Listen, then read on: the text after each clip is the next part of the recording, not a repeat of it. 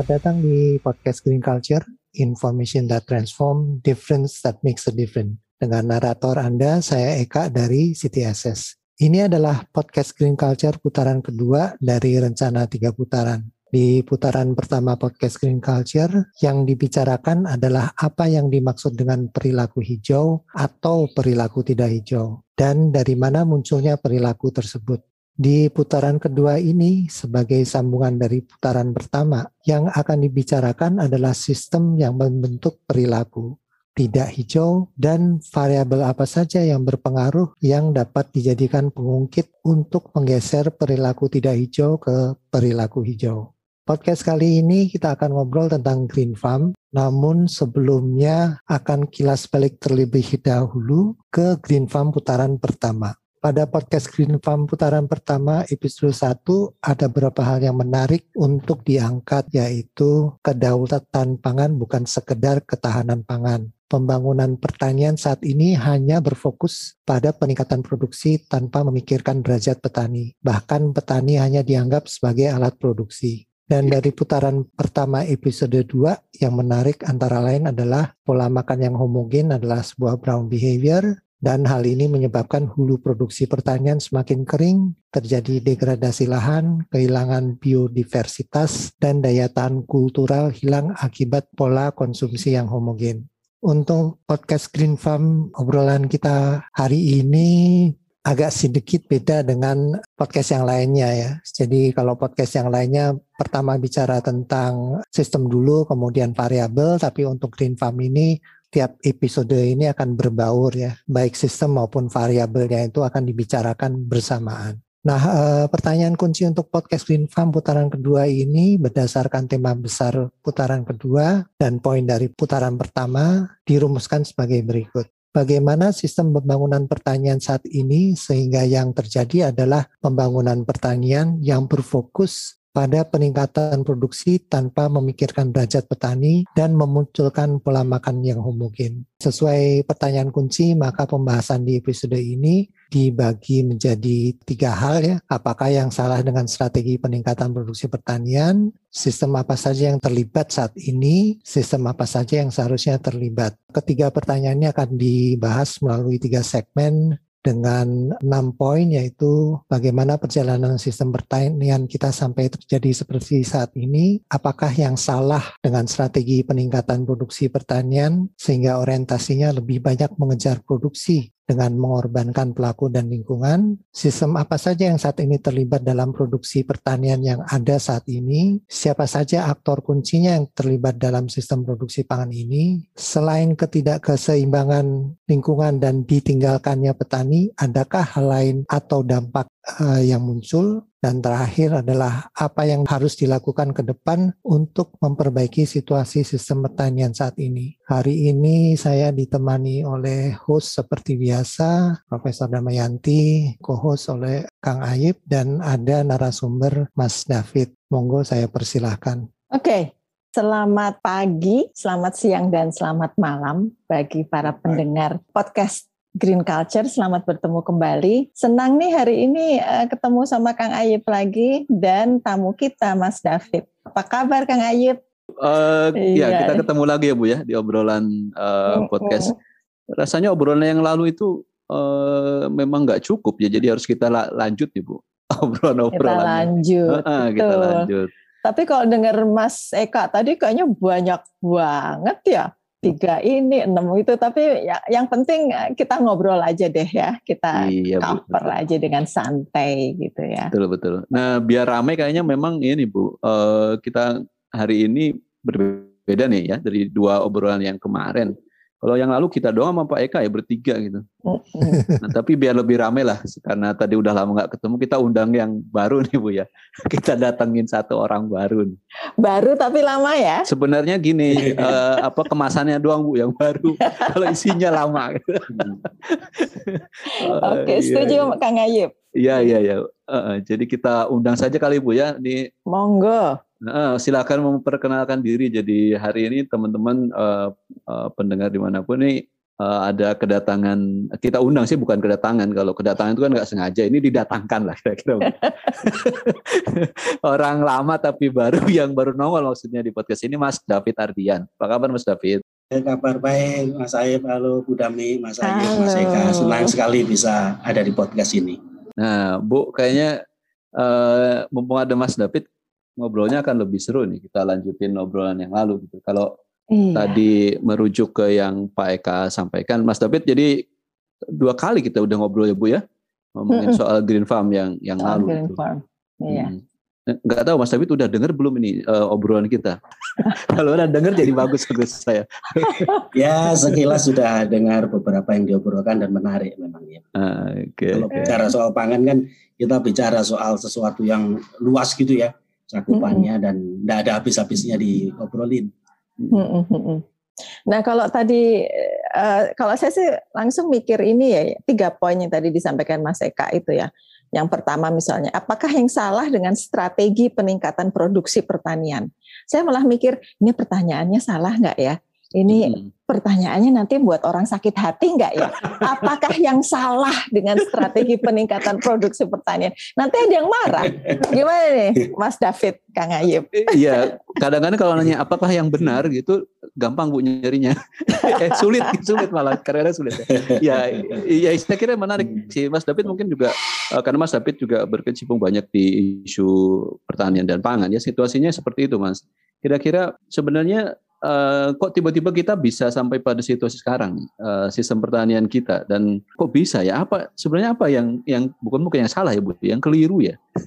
Sama nggak sih salah dengan keliru? Itu sebenarnya sama aja. Uh, yang keliru ya. dengan dengan yang sekarang ada mas. menurut mas David gimana mas? Ya saya kira nggak ada yang sakit hati ya kalau kalau kita berbicara reflektif gitu ya tentang uh, apa sistem pertanian kita dan sistem pangan kita memang dari waktu ke waktu dalam secara pertanian kita ya, kayaknya nggak cukup banyak perubahan signifikan dalam konteks strategi pembangunannya dan pola-pola yang dilakukannya.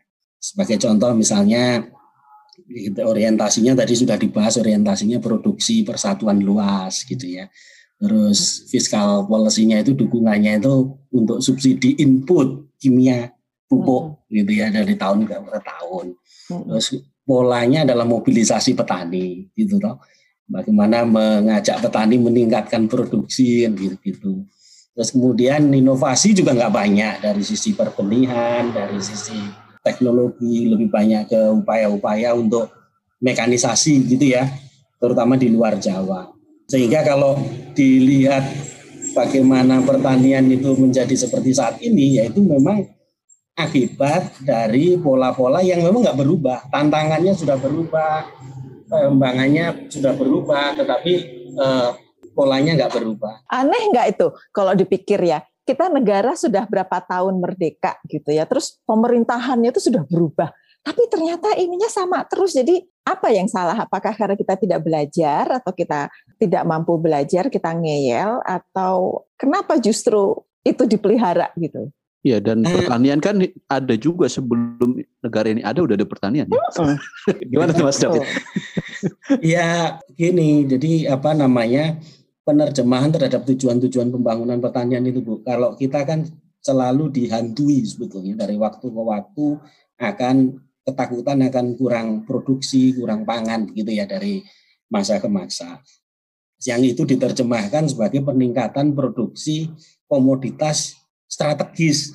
Itu pun hmm. difokuskan hanya beras gitu. Hmm. sehingga alokasi budget alokasi jadi ini ada mindset yang eh, nggak berubah juga. Dan karena ini menjadi bersifat politis sehingga untuk mengubah itu ada resiko besar juga secara politik. Hmm. jadi tidak populis. Kalau subsidi pupuk kimia dihilangkan itu kan menjadi tidak populis bu bagi bagi masyarakat. Jadi kita dalam belenggu struktural itu. Nah, gitu. Aku suka Jadi, itu belenggu. Dalam belenggu struktural itu, sehingga apa uh, upaya-upaya untuk melakukan inovasi baik dari sisi kelembagaan, inovasi sosial, inovasi teknologi itu kan kemandekannya pada belenggu itu gitu, sehingga nggak bisa keluar dari pola yang terus menerus uh, berulang. Tapi kalau itu lama kan sebenarnya harusnya ya Mas David ya, misalnya government gitu udah bisa membaca juga bahwa sistem ini kalau kita sebut mandat kira-kira begitu ya, uh, mandek gitu. Kalau kita ngomong soal peningkatan produksi, sebenarnya kalau di tadi yang Mas David bilang alokasi energi dan sumber daya kan lebih banyak di padi ya. Dan kalau ngelihat sebenarnya betul naik bahwa uh, apa namanya produksinya naik. Tapi kalau dibandingkan dengan uh, alokasi budget misalnya contoh ya alokasi budget itu sebenarnya kenaikannya jadi nggak sebanding tuh mas. Jadi lebih banyak apa sumber daya yang dipakai ya eh, anggaran maksud saya budget yang gede gitu untuk subsidi pupuk deh contoh misalnya uh, dibandingkan dengan kenaikan produksi itu 0,0 sekian loh uh, kenaikannya. Nah ini kan harusnya bisa dihitung tuh. Tapi selain tadi belenggu apa tadi Mas David bilang belenggu birokrasi, struktural dan seterusnya, sebenarnya ada faktor yang lain nggak Mas yang menyebabkan itu terjadi gitu loh maksud saya. Kan banyak juga yang orang orang pintar di pemerintahan, maksud saya begitu. Ya, karena gini ya, itu juga berkaitan dengan penetapan indikator-indikator kinerja dan analisis ini ya eksternalitasnya. Jadi apa? Kalau pertanian itu kan hanya dilihat dari satu single view gitu ya, produksi tidak dilihat sebagai satu pendekatan yang sifatnya sistem, berhubungan satu sama lain dan menghasilkan juga eksternalitas negatif terhadap lingkungan gitu. Misalnya kalau kita meningkatkan produksi at all cost, ya ya. Uh, Bu Dami ya.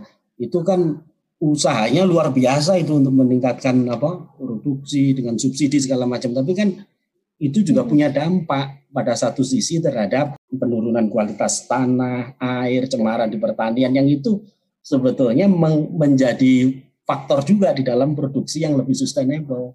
Jadi karena itulah Green Farm itu kan sebagai salah satu bentuk inovasi Nah sayangnya inovasi itu belum mendapat tempat. Karena apa? Ekosistem berpikirnya itu tidak mempertimbangkan itu gitu. Mm-hmm. Kalau apalagi kalau kemudian masuk ke wilayah yang namanya policy gitu ya, itu yeah. nggak nggak nggak nggak ada di situ. Gitu. Yeah. Dan itu. mungkin ada ada berbagai kepentingan juga ya. Jadi ketika sebetulnya yes, kita betul. tahu harus berubah, ada kepentingan-kepentingan yang kemudian menyebabkan perubahan itu menjadi lebih sulit dicapai. Ya, persis Bu. Itu hal ketiga yang ingin selanjutnya ingin saya sampaikan juga. Karena persoalan pangan juga persoalan politik. Sehingga hmm. ruang di pangan itu sebenarnya kontestasi kepentingan. Karena di situ kan sektor besar Bu ya. Menyangkut aja hidup orang banyak. Hmm. Coba dari kalau kita potret dari sisi hulu misalnya dari alat-alat produksi itu kan bisnis besar juga Bu Damir. Kemudian dari sisi apa namanya produk proses produksinya sampai kemudian dari marketnya. Nah, problemnya adalah sektor pangan ini diproduksi oleh masyarakat miskin yang konsumsi sebagian besar miskin juga. Dan Sehingga skalanya apa, kecil ya Mas David. Dan ya? skalanya kecil-kecil. Nah ini kan yang tidak mudah. Apalagi ini kita tidak pernah meletakkan konteks pertanian dan sistem pangan itu dalam model negara kepulauan. Jadi hmm. pikirannya kayak negara terestrial Bu Dami. Hmm, hmm. Karena ilmu-ilmunya yang ada itu juga itu juga ilmu-ilmu yang berangkat dari terestrial kan. Ya, benua, ilmu-ilmu yang dari nah kita kan 17.491 pulau dengan hmm. berbagai bahasa 60 persen itu lautan sehingga dari sisi logistik dari sisi karakter sosio culture eh, agro agroklimat dan segala macam kan harus menemukan sebetulnya dan sampai sekarang kan nggak pernah didesain dalam kerangka itu dalam kerangka negara kepulauan. Jadi kita harus punya sebenarnya model sistem pangan negara kepulauan yang khas. Eh, ini ini menarik nih. Betul bu, betul bu, menarik menarik. Men, menarik karena David mengangkat isu ekosistem ya. Selama hmm. ini kita meniru ekosistem negara-negara kontinental, negara-negara dengan benua-benua besar gitu ya. Sedangkan kita dengan pulau-pulau kecil itu kan sangat khas ya baik biodiversity-nya maupun persis, betul. apa cuaca dan sebagainya. Jadi sistem ini yang harus berubah tapi sulit fit. Sebetulnya kan ada ada akademisi di situ. Nah, hmm, akademisinya ya. itu kemudian uh, mungkin pengembangan ilmu ini juga harus didorong oleh akademisi yang berpikir ke arah itu. Nah, mungkin ini perlu um, di apa dikilik-kilik juga ya agar pertanian itu bisa dikembangkan ke pertanian pulau-pulau kecil. Ya betul Bu Dami. Dan ini kan gini, kita ini kan kalau kemudian yang yang tidak beragam itu pasti tidak resilient kan Bu. Apalagi dengan karakteristik negara kepulauan kita. Nah, itu punya implikasi kalau kemudian apa konsepnya adalah konsep yang seragam, yang homogen tadi.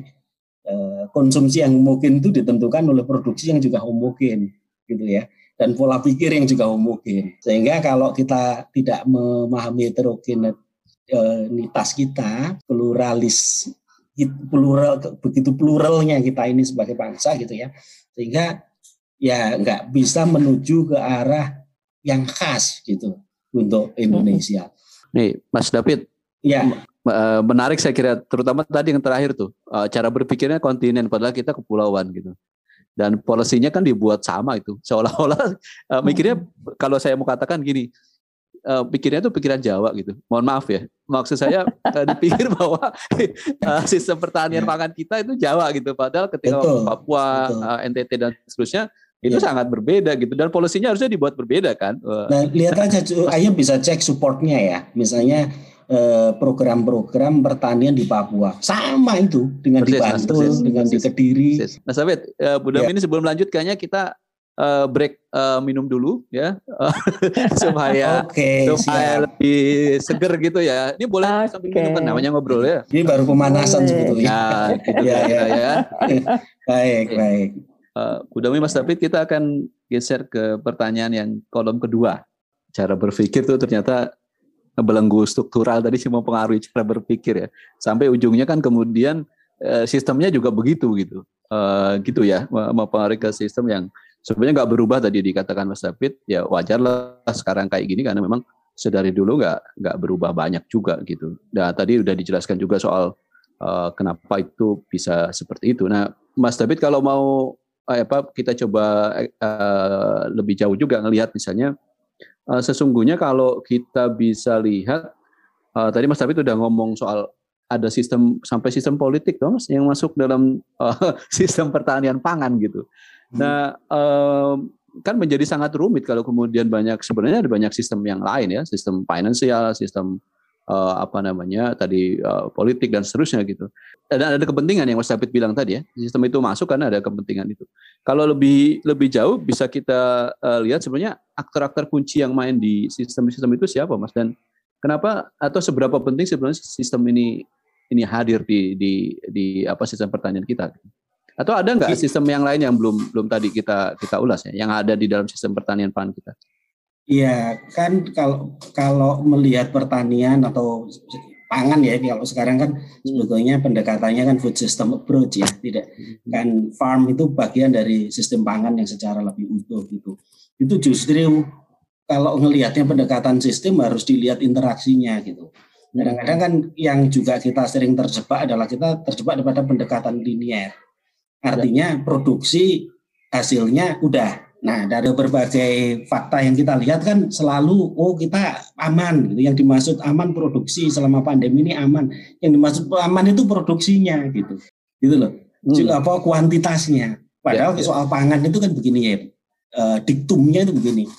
E, pangan itu yang pertama harus cukup memenuhi semua orang kan gitu ya. Hmm. Kebutuhan semua orang. Tidak tidak hanya cukup tapi juga harus berkualitas yang punya gizi, punya ini nanti kaitannya dengan konsumsi itu. Tidak hanya berkualitas, tapi juga terjangkau kan oleh masyarakat miskin, oleh masyarakat, termasuk juga komunitas di pedesaan yang miskin. Sehingga kalau pandangannya holistik, pendekatannya sebagai sistem yang kompleks, justru sistem pertanian dan sistem pangan itu ada hubungannya dengan sistem energi, ada hubungannya dengan sistem health system gitu. Hmm. Ada persinggungannya yang justru itu yang tidak dibahas selama ini. Karena kita terkata kotak-kotak selain belenggu struktural juga kotak-kotak sektoral gitu. E, ini yang kemudian disadari sebetulnya sekarang ini untuk kita mulai me, pengen different system gitu Bu Kita punya uh, sistem pangan tapi kita perlu sistem pangan yang bentuknya lain kan, yang lebih apa holistik, yang lebih me, memperhatikan banyak aspek, terus kemudian juga dijalankan proses transformasi istilahnya ya timpangan ke depan. Jadi penting di dalam ini adalah tonggak penting sekarang ini karena rencana pembangunan jangka panjang kita kan mau berakhir Bu Dami. Jadi kan kita akan menuju hmm. RPJP 25-30 tahun ke depan. Nah, wow. uh, uh, ini kesempatan untuk merumuskan narasi-narasi baru sebetulnya dalam narasi-narasi pemikiran-pemikiran baru untuk 25-30 tahun ke depan. Mm -hmm. Gitu ya. Sehingga barangkali narasi-narasi yang lama, yang sifatnya linier, yang sifatnya tidak kontekstual, yang tidak mengikuti dinamika perkembangan itu mungkin juga akan bisa berubah gitu. Hmm. Kalau hmm. Yeah. partisipasi itu dibuka gitu. Yeah, yeah. Kalau gitu. Okay. Kalau ya Bu ya. Ternyata enggak gitu. itu dari itu dari sisi pendekatan sistemnya ya ya. Iya ya. Sisi pendekatan sistem. Mas David, uh, saya boleh lanjut sebelum ke Budami nanti. Uh, itu tadi Mas David bilang kan sebenarnya di uh, sistem pertanian pangan kita itu banyak sekali uh, kalau mau dikatakan sistem-sistem yang beriris ya termasuk energi dan seterusnya.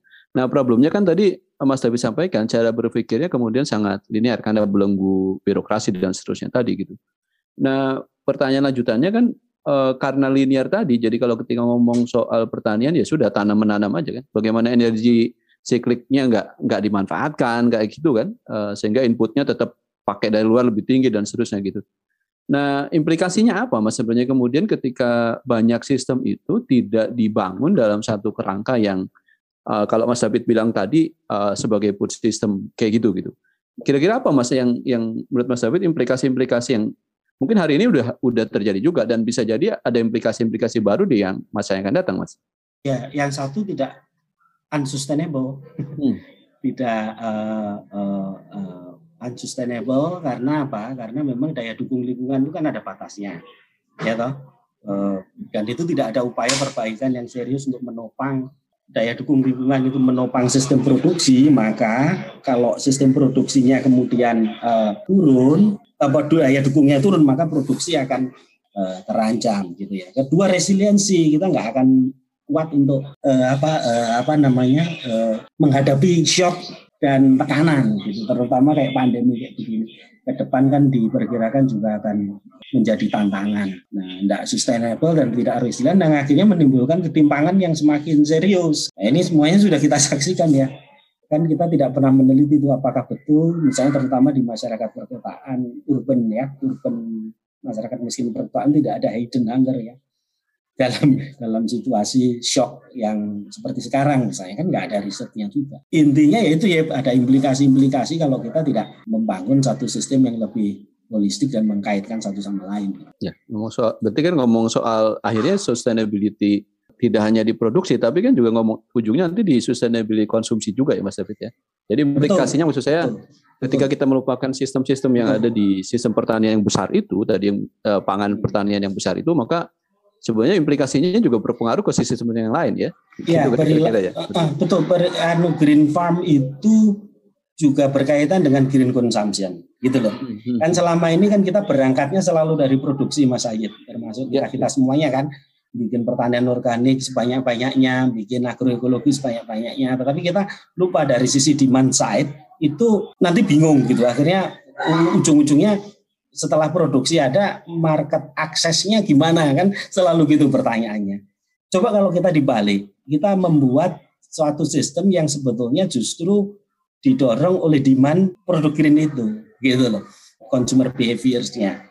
Nah ini kan belum banyak digarap karena apa? Satu itu juga dipengaruhi oleh literasi pangan sehat kita yang masih rendah, kan gitu toh.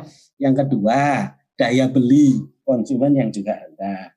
Yang ketiga juga tren. Nah ini kalau kemudian apa uh, tren konsumsi gitu.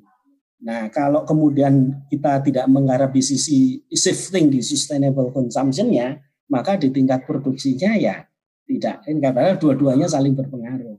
Jadi perilaku itu juga dibentuk oleh apa namanya satu upaya intervensi yang seharusnya seimbang antara produksi dan konsumsi. Kita kan produksi aja gitu. Persis Mas. Iya iya ya. Kita itu selama ini memang lebih banyak di anu ya. Apa di ya. sisi uh, supply ya Bu ya.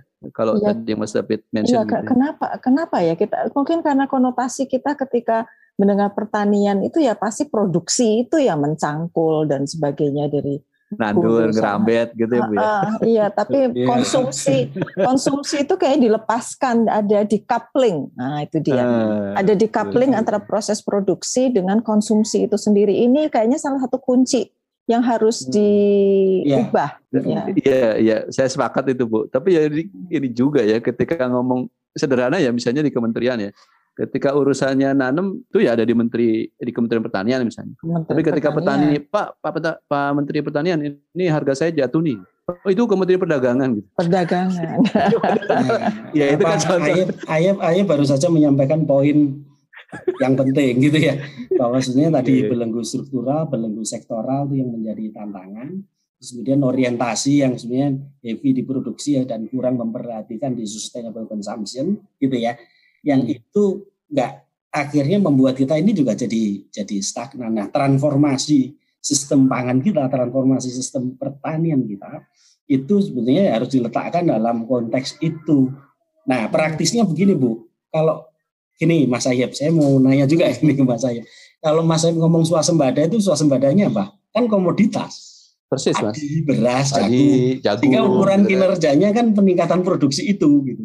Yang yeah. penting itu tersedia baik yeah. dari dari produksi. Nah, oke okay, dimensi-dimensi kedaulatan bisa saja ditambahkan dalam indikator, tapi tetap yang penting ada produk itu, tapi bukan sustainable of protein, sustainable of karbohidrat, hmm. sustainable of uh, vitamin, gitu mineral. Iya. Padahal ya. yang dibutuhkan orang makan itu kan apa asupannya sumbernya kan bisa dari mana-mana. Nah karena polisinya bukan tidak nyampe ke situ apa swasembada itu pada swasembada uh, protein, mineral, vitamin sehingga pola pangan harapan kita itu heavy karbohidrat.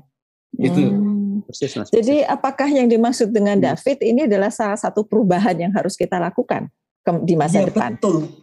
Hmm. Betul. Ah. Nah, dengan dengan perubahan di konsepsi itu akan merubah polisinya, akan merubah alokasi resource-nya atau financing-nya kan di fiskalnya. Itu kan, Bu. Nanti kalau sudah didorong di situ juga akan bisa mengubah semuanya itu tata kelolanya. Ya toh? Sehingga apa? Eh, diversifikasi bisa hmm. jalan. Nah, ini dari tahun ke tahun kenapa diversifikasi enggak jalan gitu toh?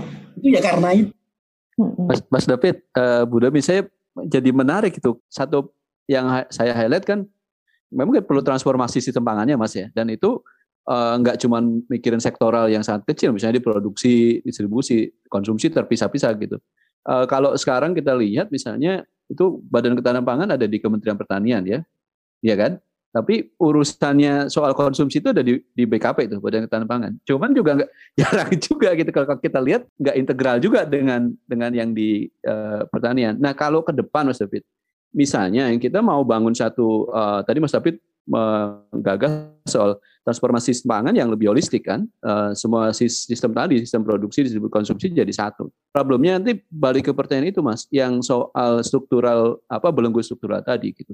Nah apakah memang uh, di konteks sistem pangan kita ke depan perlu dari sisi sisi kelembagaan misalnya mas David? Kalau sekarang kan agak susah ya kita membayangkan mau bikin uh, sistem pangan yang yang holistik tadi gitu. Nah dari sisi kelembagaannya kayak begitu gitu. Sekarang yang ada mas uh, gimana Mas David ngelihat atau saya sekalian sama Budami juga nih kan boleh nanya juga ya ke Budami. Budami ngelihat dari sisi kelembagaannya juga seperti apa gitu loh. Uh, gila kira-kira ya, gitu Mas David gimana atau Budami nih ngelihatnya? Ya kita harus berpikir ya juga sistemik ya terhadap apa uh, analisis sistem pangan ini. Jadi kalau kita berbicara serang transformasi kan kayaknya mudah ini transformasi asalkan berubah nggak begitu gitu proses transformatif itu kalau menurut by definition sebetulnya proses yang berdasarkan konsensus gitu. Jadi ada societal konsensus gitu. Sehingga yang harus dibangun sebelumnya sebelum masuk ke transformasi adalah platform multi stakeholdernya yang dan yang itu inklusif gitu. E, e, kondisi pemungkinnya adalah kalau semua suara-suara itu didengar gitu loh. Nah, hmm ada platform multi creating multi stakeholder platform dulu baru kemudian kita mau membangun proses transformasi. Kalau enggak Mas Ayem transformasi ini ya hanya di drive oleh government driven transformation gitu. Hmm. dan kalau government driven transformation ya balik lagi gitu. Hmm. karena apa? Karena enggak enggak ada suara yang lain gitu ya. Itu poin pertama saya. Kemudian poin yang kedua dalam transformasi itu bukan perubahan yang keotik gitu loh strateginya tembak sana tembak sini. Kan sekarang kan gitu strategi itu tembak sana tembak sini gitu yang chaotic atau tapi yang betul-betul direncanakan well plan betul. Sehingga itu menjadi menjadi blueprint bagi perubahan perubahan ke depan. Nah, yang pertama ditentukan adalah satu nanti harus agree apa pathway-nya tahapan untuk ininya. Kita harus agree strateginya soal governance, inovasi, financing itu kalau sudah nanti kita lakukan gitu. Tetapi yang paling penting adalah ada konsensus nasional untuk sistem pangan kita ke depan ini poin-poin pentingnya apa yang harus kita perbaiki ke depan. Untuk mencapai konsensus nasional itu gimana ya caranya? Ya? Nah sekarang sudah dimulai Bu. Jadi ada momentum UN Food System Summit kan. Hmm. Di Bapenas itu mengundang multi stakeholder untuk berbicara dan memberikan masukan-masukan sebetulnya kaitannya dengan proses transformasi ke depan. Dan saya kira ini satu sinyal yang positif di sisi lain ya.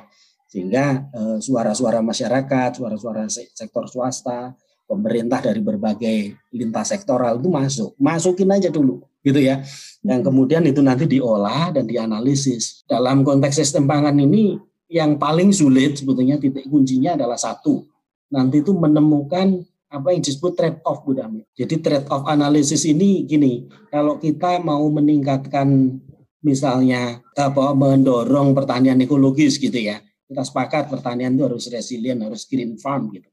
Itu punya implikasi terhadap shock terhadap uh, penurunan produksi pada mm-hmm. masa tertentu enggak? Nah, mm-hmm. itu gimana kompensasinya? Misalnya kan gitu. Kalau kita mau mengubah subsidi pupuk, misalnya kan, kimia itu pupuk kimia kan diproduksi oleh pabrik. Kalau green farm kan tidak bisa pupuknya pupuk kimia kan. nah itu kesiapan BUMN kita bertransformasi siap apa enggak kan? Apa mm -hmm. harus ada yang dikorbankan? Nah ini ada titik op, menemukan titik optimal ini enggak proses negosiasi, proses-proses analisis itu trade off. Satu itu. Yang kedua harus ada game changernya bu. Jadi uh, game changer itu begini. Jadi misalnya kalau dalam situasi pandemi ini game changernya apa? Vaksin gitu. Nah kalau dari sistem pangan kita game changernya apa sih? Ini yang harus dielaborasi gitu. Ditemukan satu dua tiga game changer sehingga itu akan menjadi titik fokus dalam konteks pembiayaan, dalam konteks alokasi resources yang kalau itu dilakukan akan mengubah sistem pangan ini punya multiplier impact dan leveraging yang yang apa signifikan gitu. Hmm. Tadi kita sudah menemukan game changernya ya dari diskusi ini satu sustainable consumption itu game changer misalnya. Ya, yeah, yeah, yeah. Terus kemudian yang kedua inovasi misalnya. Inovasi dari sisi uh, uh, sumber-sumber pangan misalnya. Pangan lokal dan termasuk pangan dari maritim karena kita 60% kan laut. Hmm. Sumber-sumber pangan dari laut kan belum banyak dieksplorasi. Kalau itu dieksplorasi akan mengubah banyak uh, Iya, lautnya udah udah kehabisan. lautnya udah habis diambilin orang soalnya. Diuruk juga bu. yang ketiga apa? Yang nah ketiga, kalau kita apa? menyepakati tiga tiga misalnya yang satu lagi membangun ekosistem bisnis hilir. Kalau kalau kalau saya apa ekosistem bisnis hilir pangan kita kan nggak jalan karena evolusi pertanian kita mandek dari hmm. sisi produksi hingga ter, hanya mandek pada uh, meningkatkan harga petani setinggi tingginya kan gitu. Padahal Ekosistem itu bisnis hilir itu apa? Misalnya lebih. Misalnya begini Bu, kalau kalau ngelihat dari harga-harga pangan kita, pada satu sisi kan kita ingin petani mendapatkan harga yang setinggi tingginya ya Bu Idami ya.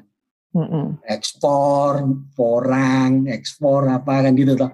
Tetapi industri hilir kita nggak dibangun sehingga industri raw material tumbuh. gitu mas. Oh, oh, kalau raw materialnya tinggi kan industrinya nggak bisa tumbuh bu kalau industri kita nggak bisa tumbuh, maka eh, pangan-pangan olahan kita akan tergantung pada investasi skala besar. Hmm. Apa multinational corporation yang menguasai yang mereka bisa efisien karena skala produksinya kan tinggi. Padahal yang kita maksud adalah bagaimana membangun pangan ini dari rakyat untuk rakyat kan. Apa, small scale SME apa small scale medium enterprises kita di pangan itu kan yang menjadi frontier untuk langsung ke konsumen bu. Enggak okay. ada pangan yang sehat dari kita tidak berpikir ekosistem gitu, hmm. bisnis gitu di di sisi hilirnya gitu. Menarik okay. ini obrolan pagi ini bu luar biasa. Iya, dan, iya, iya. dan tidak terasa waktu tinggal 30 detik ya, Kang Ayub. Nah, gimana nih Kang Ayub? Kalau ngobrol ngobrol yang seru seru gitu itu nggak kerasa soal waktu bu. Tapi saya kira uh, obrolan pagi ini sangat uh, kaya ya. Uh, kaya hmm. dalam arti kita jadi jadi makin uh, tercerahkan dari dua obrolan yang lalu gitu. Terakhir hmm. Mas David saya highlight betul bahwa ke depan memang transformasi dan transformasi itu satu kunci yang di awal ada konsensus gitu. Nah PR-nya memang uh, negara kita kan negara besar gitu ya. Iya, iya. Uh, Jadi kepulauan tidak tiga, tiga hal ya ya sebagai penutup hmm. gitu ya. Tiga detik terakhir gitu ya. Yang pertama itu apa masih yang perlu di highlight? Nah. Satu, kita perlu merumuskan secara nasional konsepsi sistem pangan atau sistem pertanian negara kepulauan. Itu fondasinya, filosofinya. Hmm. Yang kedua, kita harus melakukan transformasi sistem pangan yang lebih holistik, melibatkan yang lebih inklusif, melibatkan partisipasi para pihak, membangun platform untuk kolaborasi dalam rangka sebenarnya merumuskan pathway of sustainability gitu. Dan yang ketiga, kita harus menemukan tadi identifikasi trade off, managing trade off dan uh, game changing solutionnya gitu. Ya. Yang itu akan menjadi fokus dalam Eh, rencana-rencana pembangunan pertanian kita ke depan. Nah, kalau situ sudah, maka dia harus didukung tiga hal. Satu, governance yang harus diubah dari centralist governance ke polycentric governance. Kita harus punya governance tapi banyak gitu dan beragam. Tidak boleh satu gitu ya governance pangan. Yang kedua itu innovation, research and innovation. Bukan research and development ya Bu. Kita sudah nggak development lagi. Tapi research and innovation yang mengarah pada game changer solution tadi dan yang terakhir itu financingnya karena semuanya ini nggak akan berarti kalau kita nggak punya perubahan dari sisi fiskal policy-nya ya toh banyak harus dialokasikan pada aspek-aspek yang lebih merata tidak hanya fokus pada produksi gitu. Yang terakhir ya peran pemerintah daerah dan partisipasi masyarakat yang kemudian menemukan berbagai inovasi best practices di tingkat lapangan itu harus di leveraging menjadi policy jadi kata kuncinya adalah transdisiplin gitu ya. Participatory hmm. dan anu linking apa uh, uh, connecting the dot tadi ya kan untuk food system ini dan juga yang tidak kalah penting yang terakhir adalah apa namanya uh, bagaimana kita mendorong uh, partisipasi petani ini sebagai backbone dari uh, perubahan karena partisipasi pelaku ini kan sekarang nggak ada ruangnya yang cukup memadai. Hmm. Saya kira itu ya yang ke depan dan riset informasi katalis. Jadi mungkin bisa dibahas dalam podcast tersendiri itu. mendiskusikan katalis ini, ini anu Bu tahu uh, apa tantangan dari Mas David nih bisa nggak kita ngobrol khusus ya, terakhir iya. tapi saya kira jadi jadi menarik ya aduh luar hmm. biasa ya Bu Demi ya saya, dan saya saya sambil dengerin mikir wah ini bisa untuk kuliah mahasiswa politik pertanian semester tujuh saya, saya nyatet banyak juga inspirasi kebijakan. iya, iya. iya. Aku pikir eh nanti mahasiswa semester tujuh harus disuruh dengerin podcast ini aja nih asik banget nih. Oke. Okay. Si interface ya Bu. Iya. Jadi tampaknya juga sudah langsung disimpulkan oleh Mas David ini. Iya betul Bu. Saya jadi seneng karena tinggal dengerin dan mencatat. Dengerin. Ya, uh, saya kira ini pagi yang uh, indah lah hari ini ya karena kita Pagi banyak hal yang uh, dibahas. Keren, uh, keren. Dan mungkin next uh, obrolan kita akan lebih kita coba fokuskan dari yang hal yang terakhir tadi Mas David itu. Hmm. Salah satu game changernya kan soal uh, konsumsi yang yang apa ya. sustainable ya. Ketemuan kita ngobrol uh, berikutnya kita bahas itu Bu salah satu game changer yang Mas David usulkan. Saya kira oh, menarik tuh soal yeah. uh, konsumsi yang berkelanjutan. Oke, okay. sepakat sekali. Jadi kita tunggu untuk podcast berikutnya gitulah mungkin kira-kira ya. Kita ucapkan terima kasih ya Kang Ayep ya ini kepada Mas David nih yang luar ya. biasa. Ya. Betul, terima kasih banyak Mas David. Oke, jadi kita sudah selesai untuk podcast kali ini. Terima kasih pada para pendengar yang sudah setia mendengarkan kami dan Mas Eka ada yang mau disampaikan? Menarik tapi cukup buat pusing juga karena PR masih banyak dan besar. kalau kalau PR harus harus banyak memang. Kalau sedikit bukan PR baik. iya, aku bisa ngeliat eh, David sambil mikir lagi nih, udah udah apa deep into his thoughts nih langsung. Benar ya, David? Kelihatan iya, wajahnya. Oke, okay, tapi mungkin inilah sebagai apa ya closingnya aja ya. Um, saya dari IPB dari CTSS ya, sambil mendengarkan ini terus mikir uh, luar biasa sebetulnya pengetahuan yang ada di luar sana ya dan memang perguruan tinggi harus makin dekat ya dengan uh, stakeholder, terutama stakeholder yang ada di lapangan dan orang-orang seperti Mas David ini, because there are so many things we can learn uh, dari teman-teman. Nah, semoga bagi teman-teman perguruan tinggi yang ada di sini dan mendengarkan cerita-cerita ini adalah contoh bagaimana informasi yang tersedia di lapangan begitu erat mengawal sebetulnya perubahan-perubahan yang ada di pertanian. Jadi semoga teman-teman dari seluruh Indonesia dari perguruan tinggi masing-masing mempunyai kesempatan untuk bisa dekat dengan petani-petani dan NGO-NGO yang ada di daerahnya masing-masing. So mungkin itu salah satu yang harus kita lakukan juga di perguruan tinggi, makin erat dengan teman-teman uh, LSM misalnya ya, dan juga tentu saja petani-petani. Mungkin itu semua Mas Ayib. Ada lagi ya, yang mau closing? Saya sudah cukup sudah. dan bagi para pendengar jangan bosen dengerin terus karena masih okay. akan ada obrolan berikutnya. Oke, okay, terima kasih. Sampai jumpa lagi semuanya. Sampai, sampai jumpa. Terima kasih. Sampai jumpa.